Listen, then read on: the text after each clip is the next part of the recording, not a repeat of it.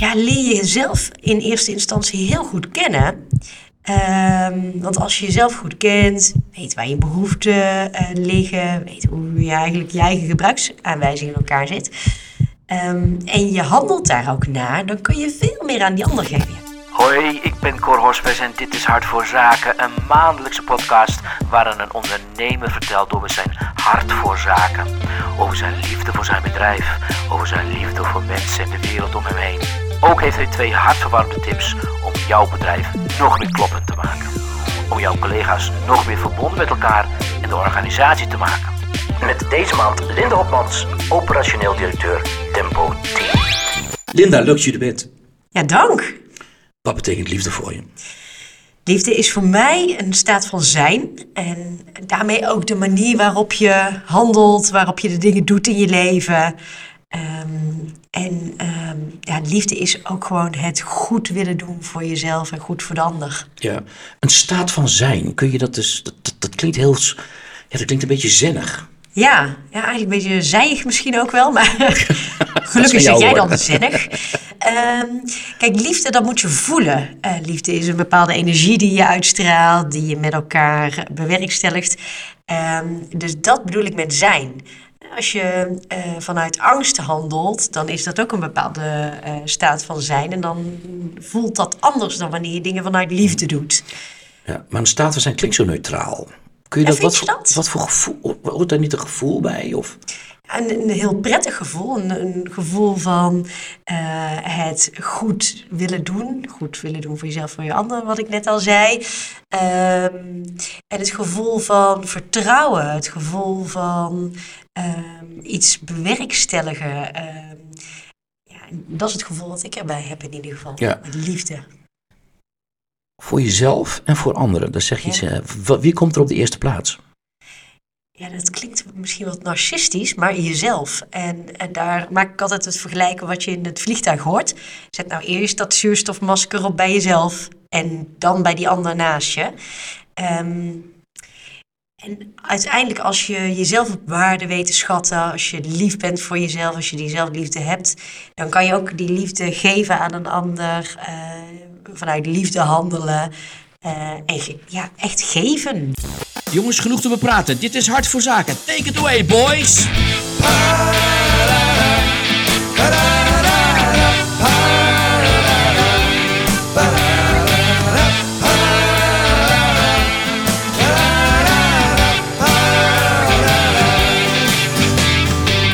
Muziek die je hoort is van de Rotterdamse band Flowers for Our Lonely Soul.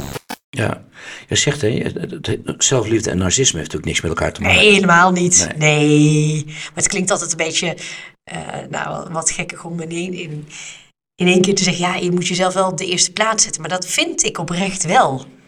Ja, je gaat er ook een beetje ongemakkelijk bij kijken terwijl je Ja. dat zegt. Wat, wat, wat is dat toch? Waarom vind je dat zo moeilijk, denk je? Ja, dat weet ik niet. Maar het is echt wel iets wat ik in ieder geval heb moeten leren. Mezelf op de eerste plek zetten. En vanuit daar eh, zo goed mogelijk dingen ook voor de ander kunnen doen. Ik vind het met elkaar en voor elkaar heel belangrijk. Ik denk dat ik daarom even ongemakkelijk keek. Dat is ook waarom ik in deze baan zit en eh, binnen de branche.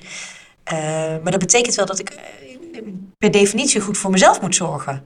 Want als ik te weinig slaap, niet goed eet, niet goed voor mezelf zorg met, eh, met andere woorden, ja, dan kan ik nooit de energie naar het werk brengen, naar de mensen die ik nodig heb om die anderen verder te brengen, om werk goed uit te voeren, om er echt te zijn. Want je zei, dat heb ik zelf moeten ontdekken. Ja, Kun je die ontdekkingstochten soms schrijven? Ja, zeker. Kijk, ehm, ik ben opgegroeid in een gezin eh, waarin hard werken ook wel eh, belangrijk werd gevonden. Ehm, ook wel een beetje, eh, doe maar normaal, doe je hè, Ja. gek genoeg. Ehm, maar aan de andere kant ook, waarin willen ze ze weg en, en gaat maar regelen. Ja. Ehm, maar vanuit het harde werken, dat, ja, dat werd dan ook wel dat je het iets moest opleveren voor die ander, voor de maatschappij, voor Ja. iets. Ehm, en daarin ben ik mezelf echt wel een paar keer voorbij gelopen. Zeker in de start van mijn carrière. Kun je dan, wat, wat is er gebeurd? eh, Nou, toen ik bij Randstad Groep begon te werken, want daar ben ik mijn carrière gestart. Hè. Ja. Ehm, toen eh startte ik als intercedent en nou, ik denk anderhalf, twee maanden later eh, ging mijn vader ook bij het bedrijf werken. Maar ik had een enorme bewijsdrang, want ik wilde laten zien van, hé, hey, ik doe het wel op eigen kracht. Ehm, en dus was ik meer met die ander bezig dan echt met mezelf en mijn eh behoeften. Wil laten zien hoe goed je wel niet was. Ja, ja, eigenlijk wel. Zo van, nou, ik ben hier niet gekomen door hem, want dat denken mensen dan misschien Ja. eh, op een gegeven moment. Hè? Ehm, en hoe meer ik met die ander bezig was, hoe minder ik met mezelf bezig was. En op een gegeven moment dacht ik, ja, hey, shit, hé, ik moet wel goed voor, mezelf eh, gaan zorgen. En voor wie ben ik het nou eigenlijk aan het doen? En toen ik dat kon omturnen naar de, de ambitie en de drive die ik gewoon als persoon in me heb, zonder dat ik dat krulletje of dat stickertje wilde halen bij die ander, Ja. merkte dat ik in een hele andere flow kwam. Veel lekkerder, veel meer energie, veel meer nou ja, vanuit liefde dingen kunnen doen en geven. En dat het voor mij niet alleen prettiger, maar ik merkte ook dat de verbinding met de ander makkelijker werd. eh, dat ik echt connectie kon maken, dat ik daardoor ook die toegevoegde waarde meer kon hebben. Ja, dat was wel even. Was er een soort omslagpunt waar je, waarin je eens wakker werd, zeg maar? Of is dat zo langzaam een beetje in jou gekropen? Nou, eh, ik ben op een gegeven moment eh, gescheiden van de vader van mijn kinderen. Eh, en toen heb ik daar wel eens even op gereflecteerd. Want eh, ik denk, ja, hoe, hebben we dit nou met elkaar eigenlijk zo kunnen laten mislukken? Hè? Is met elkaar, je zag er ook een verband tussen, eh, tussen jouw bewijsdrang en we, we verrichten een scheiding. Ik, ik- Ja, zeker. Ehm, want ik was te weinig bezig met gewoon wat wil ik nu en hoe kan ik vanuit wie ik ben nu die liefde geven. Meer bezig met allerlei andere dingen en, en die bewijsdrang. Ehm, nou, ik denk dat ik dan daarin ook een mooie leerschool heb gehad. ehm, in wat mijn behoeften zijn en vanuit daar eh, ook dat kunnen geven aan de ander. Gek hè, dat we altijd dit soort vreselijke dingen nodig hebben om tot een inzicht te komen. En dat is denk ik, eh, dat, dat liefdevolle wat ik dan omschrijf, is ook gewoon het met elkaar goed organiseren en, en geven. Ja, maar je was een rol aan het spelen in plaats van dat je jezelf was. Oeh, dat vind ik wel een eh, statement, maar misschien heb je daar wel gelijk in. Ja, ik voel mezelf, eh, en, en dat heeft ook met de jaren te maken. Ik bedoel, begin 20 of nu bijna 40. Daar zitten een aantal jaren tussen. Ehm, maar ik voel mezelf nu echt wel in mijn rol dezelfde persoon als ja, gewoon de persoon die ik ben. Ja, nu ben je meer, je zijn die twee ikken. Dus Nee, niet er meer zijn Linda op het twee- werk. nee. En wat, die, die waren er eerst wel, die twee ikken? Misschien meer. Dat is een heel Ja. diplomatiek antwoord. Ja, meer. Nou, omdat ik denk dat je altijd wel eh, een, een deel van jezelf natuurlijk meeneemt. Hè? Ja.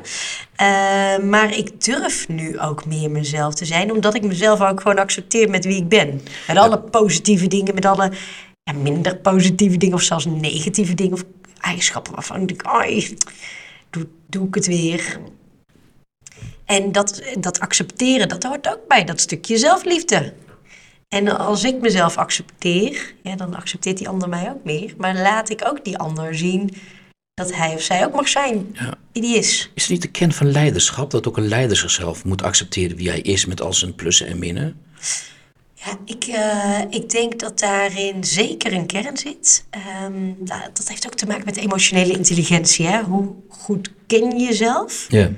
Eh, maar het andere deel daarvan is ook wel hoe weet je jezelf dan te reguleren eh, in situaties. Dus dat ik een, een, trigger op een trauma van iets, of uh, trauma klinkt dat zo groot, maar het kan ook een klein traumaatje zijn, uh, meeneem in het werk. Uh, ja, dat bepaalt wel hoe ik handel. Dus bijvoorbeeld, ik um, heb door situaties in mijn leven wat meer moeite met mensen die in een slachtofferrol uh, zitten. Of, of, zich uitspreken als een slachtoffer. Ja. En ik ben daar inmiddels op beducht. Maar een aantal jaren geleden, nou, tien jaar geleden, kom ik dan met gestrekt been in zo'n situatie op het werk zitten. Wat helemaal niets met die situatie te maken had. Maar gewoon was ik lekker aan het projecteren. Dus Lekker aan het project. ja, ja, nou, dat was dan niet zo lekker en niet zo chic en zo. Maar eh, dus jezelf eh, kennen, accepteren, maar ook reguleren. Ja, dat is wel de basis voor leiderschap. Ja. En, en misschien wel liefdevol leiderschap. Ik weet niet of dat überhaupt een term is, maar... Nou, wat denk je anders? Je, je je zegt, je verzint op jezelf, liefdevol leiderschap. Wat, wat zou dat kunnen zijn in jouw woorden dan? Nou, ik heb echt een, een, een lange tijd nagedacht over wat mijn rol als leider is. Hè, wat mijn plek is. En daar maak ik altijd de, de parallel met eh, mijn rol als moeder. Eh, mijn rol als ouder is gewoon om, in dit geval, in mijn geval, twee kinderen eh, op te laten groeien en af te leveren aan deze maatschappij. Straks als nou, weldenkende en welhandelende eh, volwassenen of jongvolwassenen. Die ook iets te kunnen toevoegen in de maatschappij. Nou, als ik dan kijk naar mijn rol als leider. Ehm, dan hoop ik dat ik de mensen die bij mij in de organisatie werken, eh, kan begeleiden in hun rollen die ze dan hebben. En daarmee eh, nou, ook iets kunnen toevoegen aan de maatschappij. In dit geval voor ons het verbinden van mensen en werken. Ja. En dat op een manier doen ehm, die ook nog eens heel goed is. Ja. Langs onze waarden die we met elkaar beschreven hebben. En voor ons is dat plezier, betrokken, eerlijk en groei. Nou, en eh, dat is mijn rol en mijn plek. Ja. En dat kan ook af en toe betekenen dat je vanuit liefdevol leiderschap ook impopulaire keuzes maakt. Zoals bijvoorbeeld? Zoals het, het goede gesprek hebben met iemand die eigenlijk, eh, waarvan je ziet dat diegene de rol niet goed uit kan oefenen of niet helemaal past. Eh, ik geloof wel dat ehm, nou, als je past bij de organisatie of de organisatie past bij jou, ja, dan, dan vloeit het, hè, dan, dan lopen dingen wat makkelijker. Ja.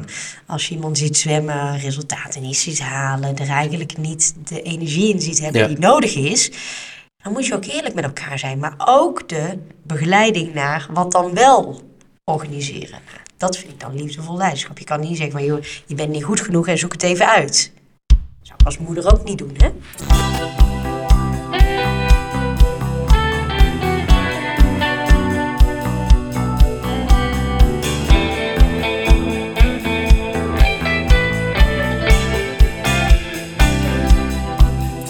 Jij bent een liefdevolle leider. Hè? Wat betekent dat naar organisatie? Hoe, wat betekent dat hier intern? Nou, wij hebben werkplezier echt in eh, het hart van de strategie zitten. Nou, dat, dat kun je heel vrij vertalen, maar Ja.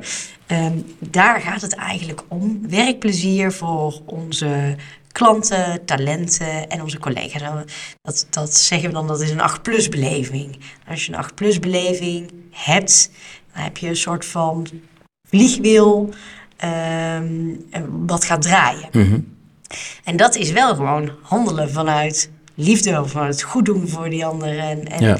eh, bij ons is eh, werkplezier, betekent dat je eh, dingen organiseert op balans, inhoud en groei. Dat klinkt uit- heel abstract. Balans gaat over eh, hoe zit jij in je werk-privé-balans. Maar ook heb je een beetje een diverse groep om je heen. eh, cultureel, leeftijden, man, vrouw, eh, verzin de diversiteit die je erop wil plakken. Inhoud gaat, ja, word je uitgedaagd in, in de baan die je hebt, in de dingen die je doet. spreekt die inhoud, Ja. in dit geval het verbinden van mensen en werk, je aan. En groei gaat over, ja, en, en ontwikkel je jezelf dan, stretch je, krijg je uitdagende dingen eh, mee in je werk, waardoor je weer groeit als functionaris, maar ook als mens. Hè? Dat zit heel sterk eh, eh, ingebed bij, eh, bij Tempo Team. Dus eigenlijk hebben we één plaat waarop onze hele strategie staat. Een heel groot werkplezier eigenlijk in het hart en dan de talentklanten en collega's erbij en onze waarden. Maar hoe weten zij nou welk gedrag erbij hoort? Of mogen ze dat zelf invullen? En dat zit echt in onze waarden, dus die ik eerder eh, eh, ook noemde. Eh, daar staat eigenlijk dus ook fouten maken mag. We Ja. dagen elkaar uit. We prikkelen. Ehm, en mensen kunnen dus wel goed spiegelen van... hé, hey, wacht even. Fouten maken mag, oké. Doe ik dat dan? Of, of Ja. probeer ik ze toch te verdoezelen? Groei ik daardoor? En dat, Ja, weten, en dat weten mensen echt, dat het meer is dan een woordje. Maar daarom bespreken we dat bij iedere bijeenkomst, iedere eh, meeting die we eh, hebben, komt als eerste die strategische plaat, waar ook die gedragingen op staan op het beeld. Of op Maar slide puur om mensen weer wakker te maken, hier gaat het om. Of ook om, om zo'n voorbeelden te ontlokken of zo. Wat, wat, Om te bespreken waarom de ding, eh, we de dingen doen die we doen, maar ook hoe we de dingen doen. ja. En ja, wakker maken, ja, dat, dat hoeft niet eens. Maar eh, wel om het continu op de agenda te houden. En zeker ook als er nieuwe collega's zijn, meteen mensen erbij Ja, te betrekken. Mensen zeggen niet, oh, daar heb je haar weer met haar plaat. Dat, dat, dat zeggen mensen niet. Die vinden, Nee, eh, sterker nog, als een keer die strategische plaat per ongeluk niet aanwezig is, eh, dus niet in het slide deck zit of presentatie, dan spreken we elkaar ook daarop aan. Dus dan word ik gewoon aangesproken. Hé, hey, wacht even, goede, goede presentatie of goed verhaal. Maar die strategische plaat zat er niet in, dus dat kan niet. hebben ze hem boven een bed hangen, de meeste medewerkers, of niet? Nou, geplastificeerd eh, hebben we hem altijd wel eigenlijk ergens eh, liggen. En we zijn ook eh, aan het kijken of we dat nog op een andere manier ehm, op de vestigingen eh, wat breder kunnen neerzetten. Sommige opdrachtgevers die het heel goed doen, noemen jullie baanbrekers. Hè? Dat zijn Ja. de toppers. Ja, dat zijn de Ehm, toppers. hoe word je een baanbreker? Als je dus die 8-plus beleving voor onze talenten eh, met ons weet te realiseren. Dus eigenlijk meten we periodiek hoe onze talenten ons, maar ook de opdrachtgevers beoordelen. En we kunnen dus zien welke, eh, bij welke klanten de talenten een 8-plus geven. Ehm, en eh, de 8-plus ehm, eh, ja, klanten, die noemen we dus baanraders. Ja. En daarvan weten we dat als je de 8-plus eh, beleving realiseert voor talenten, dat talenten langer voor je blijven werken. Ja. Dat het ziekteverzuim substantieel daalt, namelijk 1,75 keer lager dan bij klanten waar geen 8-plus beleving gerealiseerd wordt voor talenten. En dat de productiviteit stijgt. Nou, dat zijn natuurlijk dingen die iedere opdrachtgever wil. Dus het zijn echt pure meetmomenten die je daarvoor Echt hebt. meetmomenten. Ja. En dan gebruiken we ook om eh, met elkaar nou ja, de, eh, dingen te verbeteren. Ehm, en uiteindelijk die talenten gewoon een leuke baan te laten hebben. ja. Maar stel je voor, hè, ik bedoel, dat, dat, dat, dat op een gegeven moment is, hè, wordt- wordt- nou je, je mag meedoen en op een gegeven moment gaat het mis bij zo'n opdrachtgever. Als er echt misstanden zijn, eh, dan is er een andere procedure die we volgen dan dat er eh, een keer een flexwerker, een talent, eh, wat minder tevreden is. Hè? Dat kun je je voorstellen. In eerste instantie proberen we het altijd met elkaar even goed op te lossen. En eh, zeker het gesprek aan te gaan, want eh, eerlijk is ook een eh, van onze gedragingen die Ja. we super belangrijk vinden. Ja. En eh, de talenten willen we ook echt thuis laten voelen bij de opdrachtgever en bij Tempo Team. Dus daar hoort bepaald gedrag bij. Ja. Ja, en daar keuren we natuurlijk de misstanden zoals je je net noemt Ja. echt af. En daar handelen we dan ook zeker naar. Ja. Ja. Maar ik kan me goed voorstellen dat mensen toch een beetje bang zijn voor een baan. En als stel je voor, een, Ja. een- je hebt een bullenbak van een opdrachtgever. Nou, wij zorgen dat we vanaf dag één eigenlijk eh, structureel contact hebben met onze talenten. Zodat die drempel om gesprekken te voeren laag is. Dat doen we digitaal, maar ook persoonlijk. Dus we hebben wat wij noemen de digitale talentreis. Waarin we echt ehm, iedere ehm, ja, week eigenlijk wel een contactmoment hebben.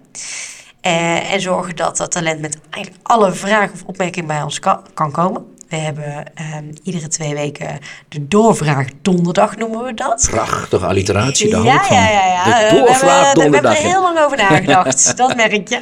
Maar de, de- eh, daar kun je, de, de- we kunnen er heel erg op lachen inderdaad. Maar waar het eigenlijk om gaat is dat we onze intercedenten leren dat contact belangrijk is. En dat we dus ook structureel contact willen hebben met de talenten. Ook al zijn ze aan het werk bij een opdrachtgever. Hebben jullie ook Ja. do- do- doorvraag donderdagen voor, eh, voor opdrachtgevers? Ja, precies. De ene week doen we de talenten en de andere week de opdrachtgevers. Zo simpel is het. Ehm, en eh, de klanten weten ook van eh, de digitale talentreis, maar ook de 8 plus, of, of als ze dat niet realiseren, dan nemen die, eh, die scoren ze ook met de klant door. Ehm, ook daar blijven we gewoon structureel in contact om te zorgen dat we daar waar de verbetering nodig is, die verbetering ook met elkaar doorvoeren. Maar ben je één keer een baanbreker, dan blijf je dat meestal wel. Of zijn er wel eens baanbrekertjes geweest nou, dat er toch wel weer van een lijstje werden geschrapt? Nee, meestal uh, zijn werkgevers die het werkgeverschap goed inrichten, ook werkgevers die dat structureel doen. Echt goede zaken doe je met mensen. Menswaardig zaken doen. Column van Suzanne Ekel, programmamanager Menswaardige Economie van de Consmedic Foundation. Hallo mensen. Goed voor jezelf zorgen zodat je iets voor een ander kunt betekenen. Er zit wat in. Maar is het de enige weg naar succesvol verantwoord ondernemen? Nee hoor. De Grieken hebben zelfs een speciaal woord voor de liefde die juist draait om die ander. Liefde ook in het bedrijfsleven voor het welzijn en de bloei van je medemens, met wie je samenwerkt en zaken doet. In business zitten we meestal niet op die manier in de wedstrijd. Daar heb je winnaars en verliezers. Liever een groeiend marktaandeel dan inleveren. En beter een scherpe inkoopprijs en je marge verhogen dan. Tja, dan wat? Bij een wedstrijd trekt er altijd iemand aan het kortste eind. En bij gelijk spel is ook niemand echt tevreden. Winnen op de markt doe je door te groeien en door een groter stuk van de taart te nemen. Maar je kunt ook anders groeien. Vanuit je leiderschapsrol richt je je dan op het voorkomen van morele domheid door dingen te doen vanuit een ethische reflectie. Wat? Ik hoor je denken. Dus laat ik het concreet maken. Uit onderzoek van NRC vorig jaar bleek dat met reclame voor internetgokken een markt werd geschapen met honderdduizenden spelers, van wie velen voorheen nooit gokten. En hoe groter de markt, hoe meer probleemspelers. Gokbedrijven verdienen zo een goede boterham ten koste van hun klanten. Maar wat vinden we hier nou eigenlijk van? Het maakt veel uit hoe de mensen in het leiderschap van die bedrijven op die markt zich gedragen. Bestuurders, commissarissen en aandeelhouders. Zodat het verschil tussen arm en rijk niet verder groeit en onze economie de bloei en groei van alle mensen niet verder ondermijnt.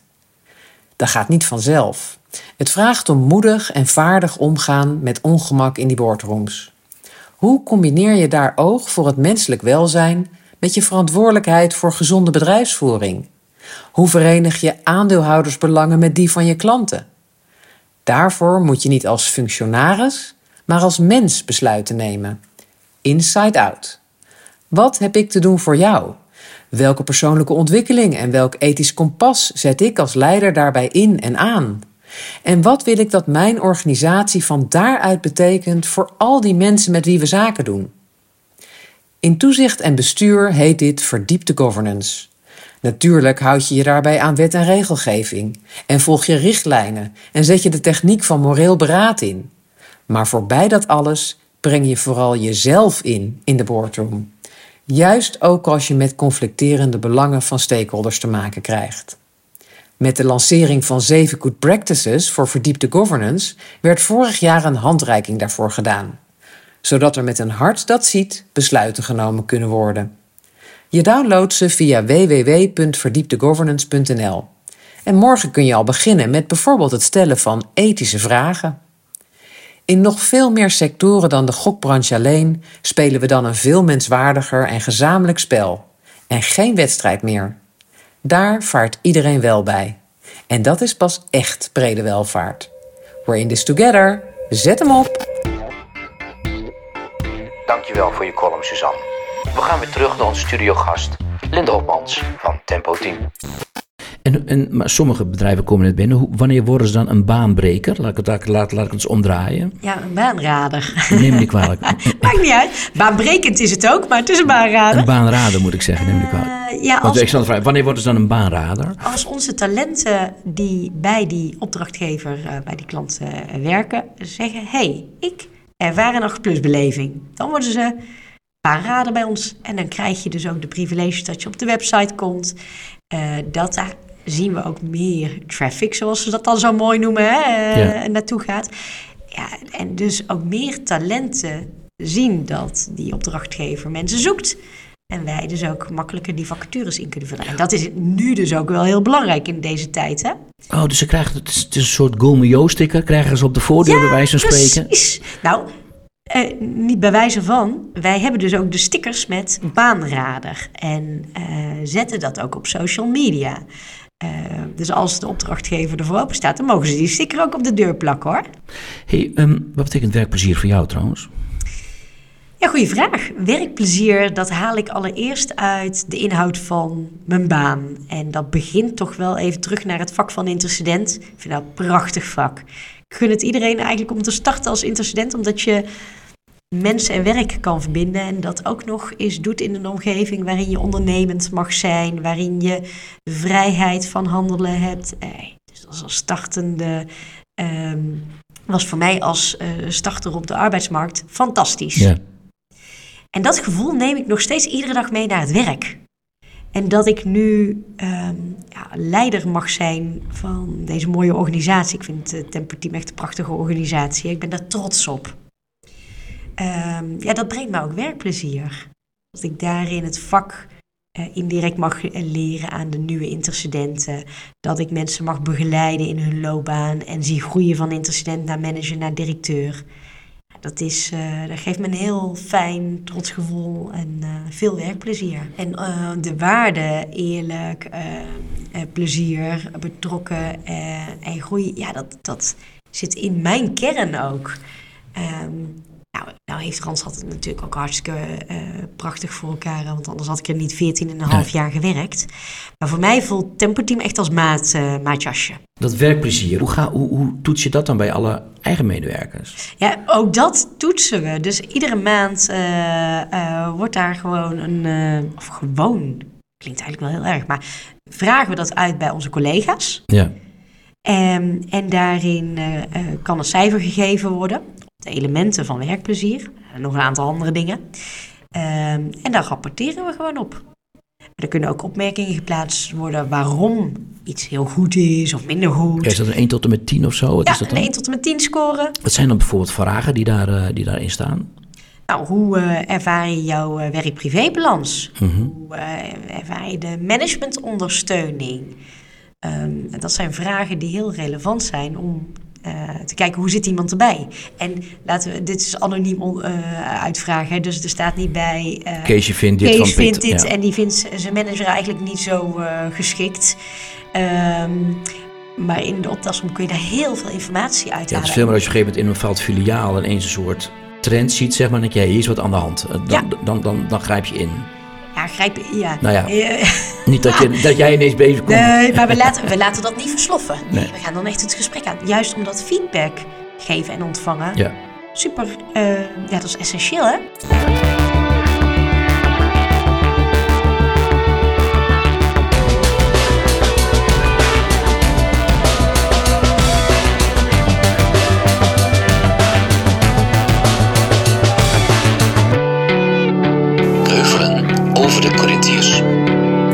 Bescheidenheid, wat betekent dat voor jou?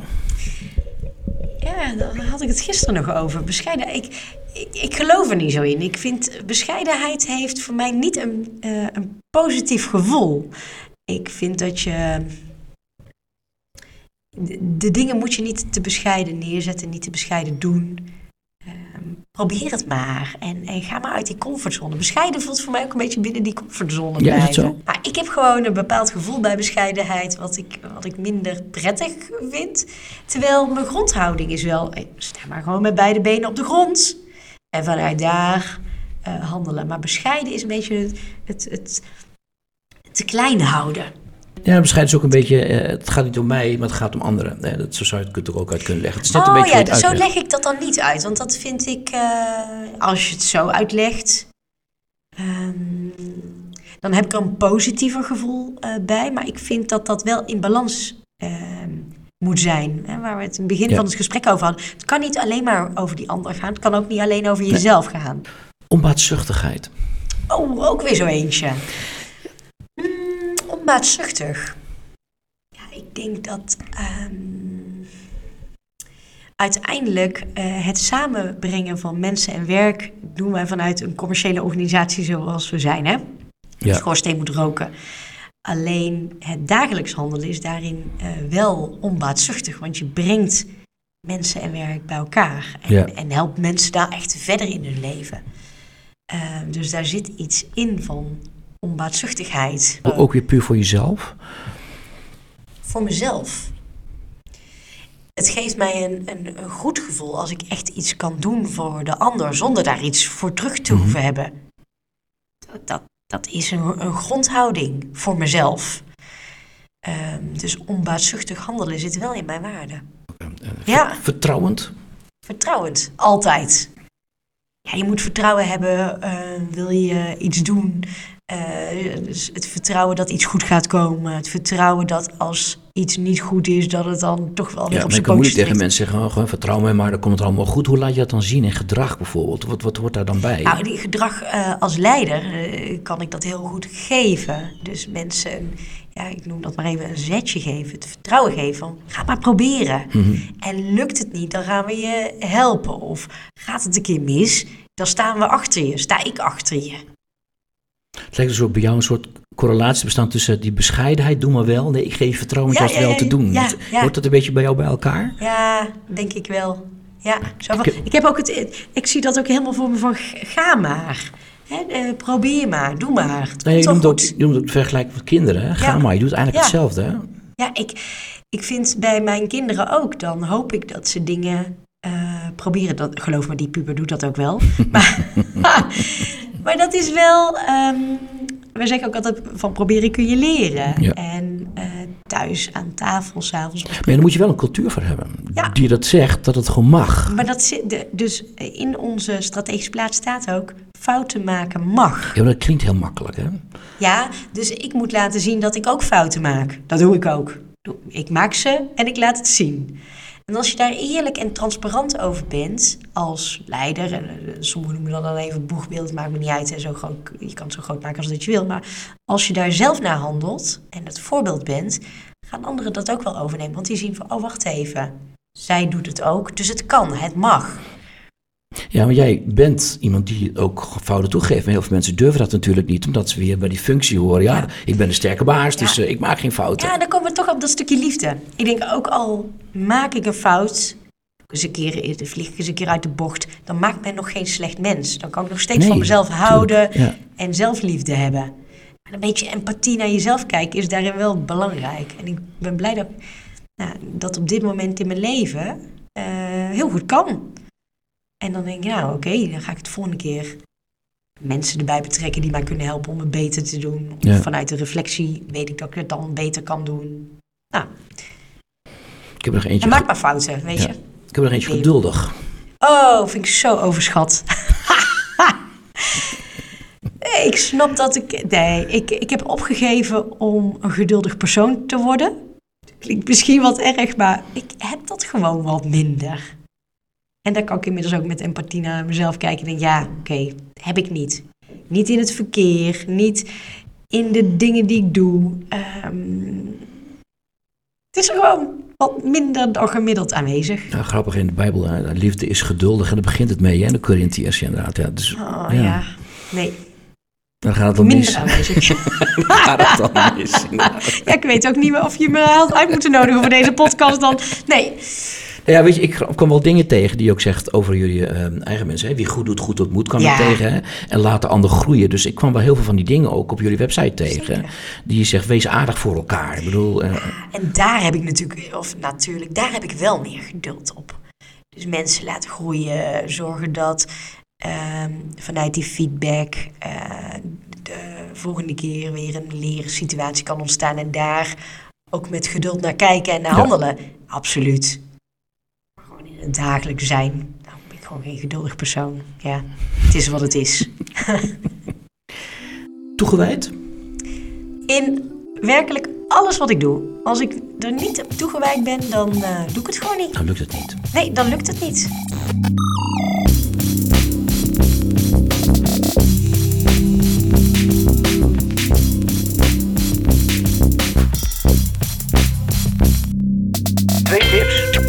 Om het hart van je organisatie. Twee tips, twee tips, twee tips,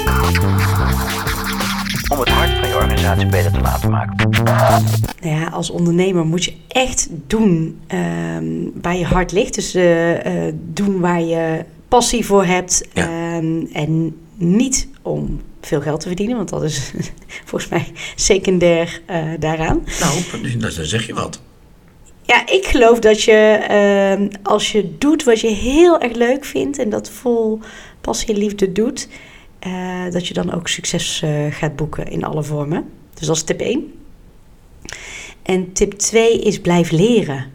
Eh, blijf jezelf goed in de spiegel aankijken, kijken naar wat je doet, waar je het nog een beetje anders kan doen of beter kan doen of jezelf kan ontwikkelen. Want dan, dan blijf je gewoon in beweging en voeg je ook het meeste toe, denk Ja. ik. Wat is je favoriete, favoriete liefdesliedje en waarom? Ja, dat is I Am Woman. Eh, dat is een heel oud liedje van Helen Reddy. Uit 1971 had ik even opgezocht. Echt eentje met een baardje. Ver voor mijn tijd. Eh, nogmaals, onderstreep ik graag. Moet ik het nou weer zeggen? ja. nee, dat gaat over. eh, het liedje gaat over een vrouw die veel eh, heeft doorstaan, maar iedere keer weer opstaat en Ja. gewoon daar eigenlijk vol met passie en, en, en power staat. Ehm, en dat heeft voor mij wel echt te maken met zelfliefde. Daarom, hoe ben je, heb je leren kennen? Want Helen Reddy, ja, geef het aan, het is ver van onze tijd. Ja, da- da- daar ga ik nu iets vertellen wat ik eigenlijk helemaal niet wilde vertellen. Maar dat zit in eh, een van de films van Sex in the City. Eh, dat hebben die vrouwen op een gegeven moment eh, eh, gezongen. En toen dacht ik, oh, dit is wel een, eh, een tekst die mij heel erg aanspreekt. I am woman, hear me roar. In numbers too big to ignore. And I know too much to go back and pretend. Cause I heard it all before. And I've been down there on the floor. No one's ever gonna keep me down again. Oh, yes, I am wise, but it's wisdom born of pain. Yes, I paid the price, but look how much I've gained. I have to, I can do anything. Oh, daar ga ik helemaal de mist in. I am strong. I am invincible. I am woman. Nou, dat doe je heel goed. Ik zie ineens die mevrouw de kroeg staan waar je het eerder over had. eh. Ja, ja, ja, ja. Nou, dat, eh, ik zing ook eigenlijk wel heel graag. Alleen eh, liever niet op een podcast. Dus in de auto lekker hard. Ja, Goed dan. onwijs leuk. Vond jij het leuk? Ja? Jij bedankt.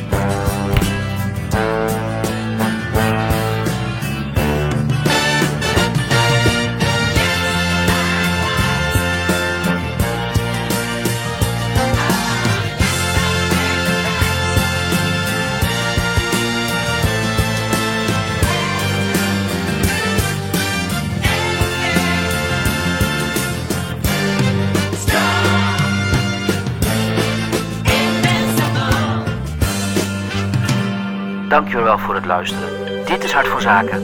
Ik ben Cor Hospes. Tot volgende maand.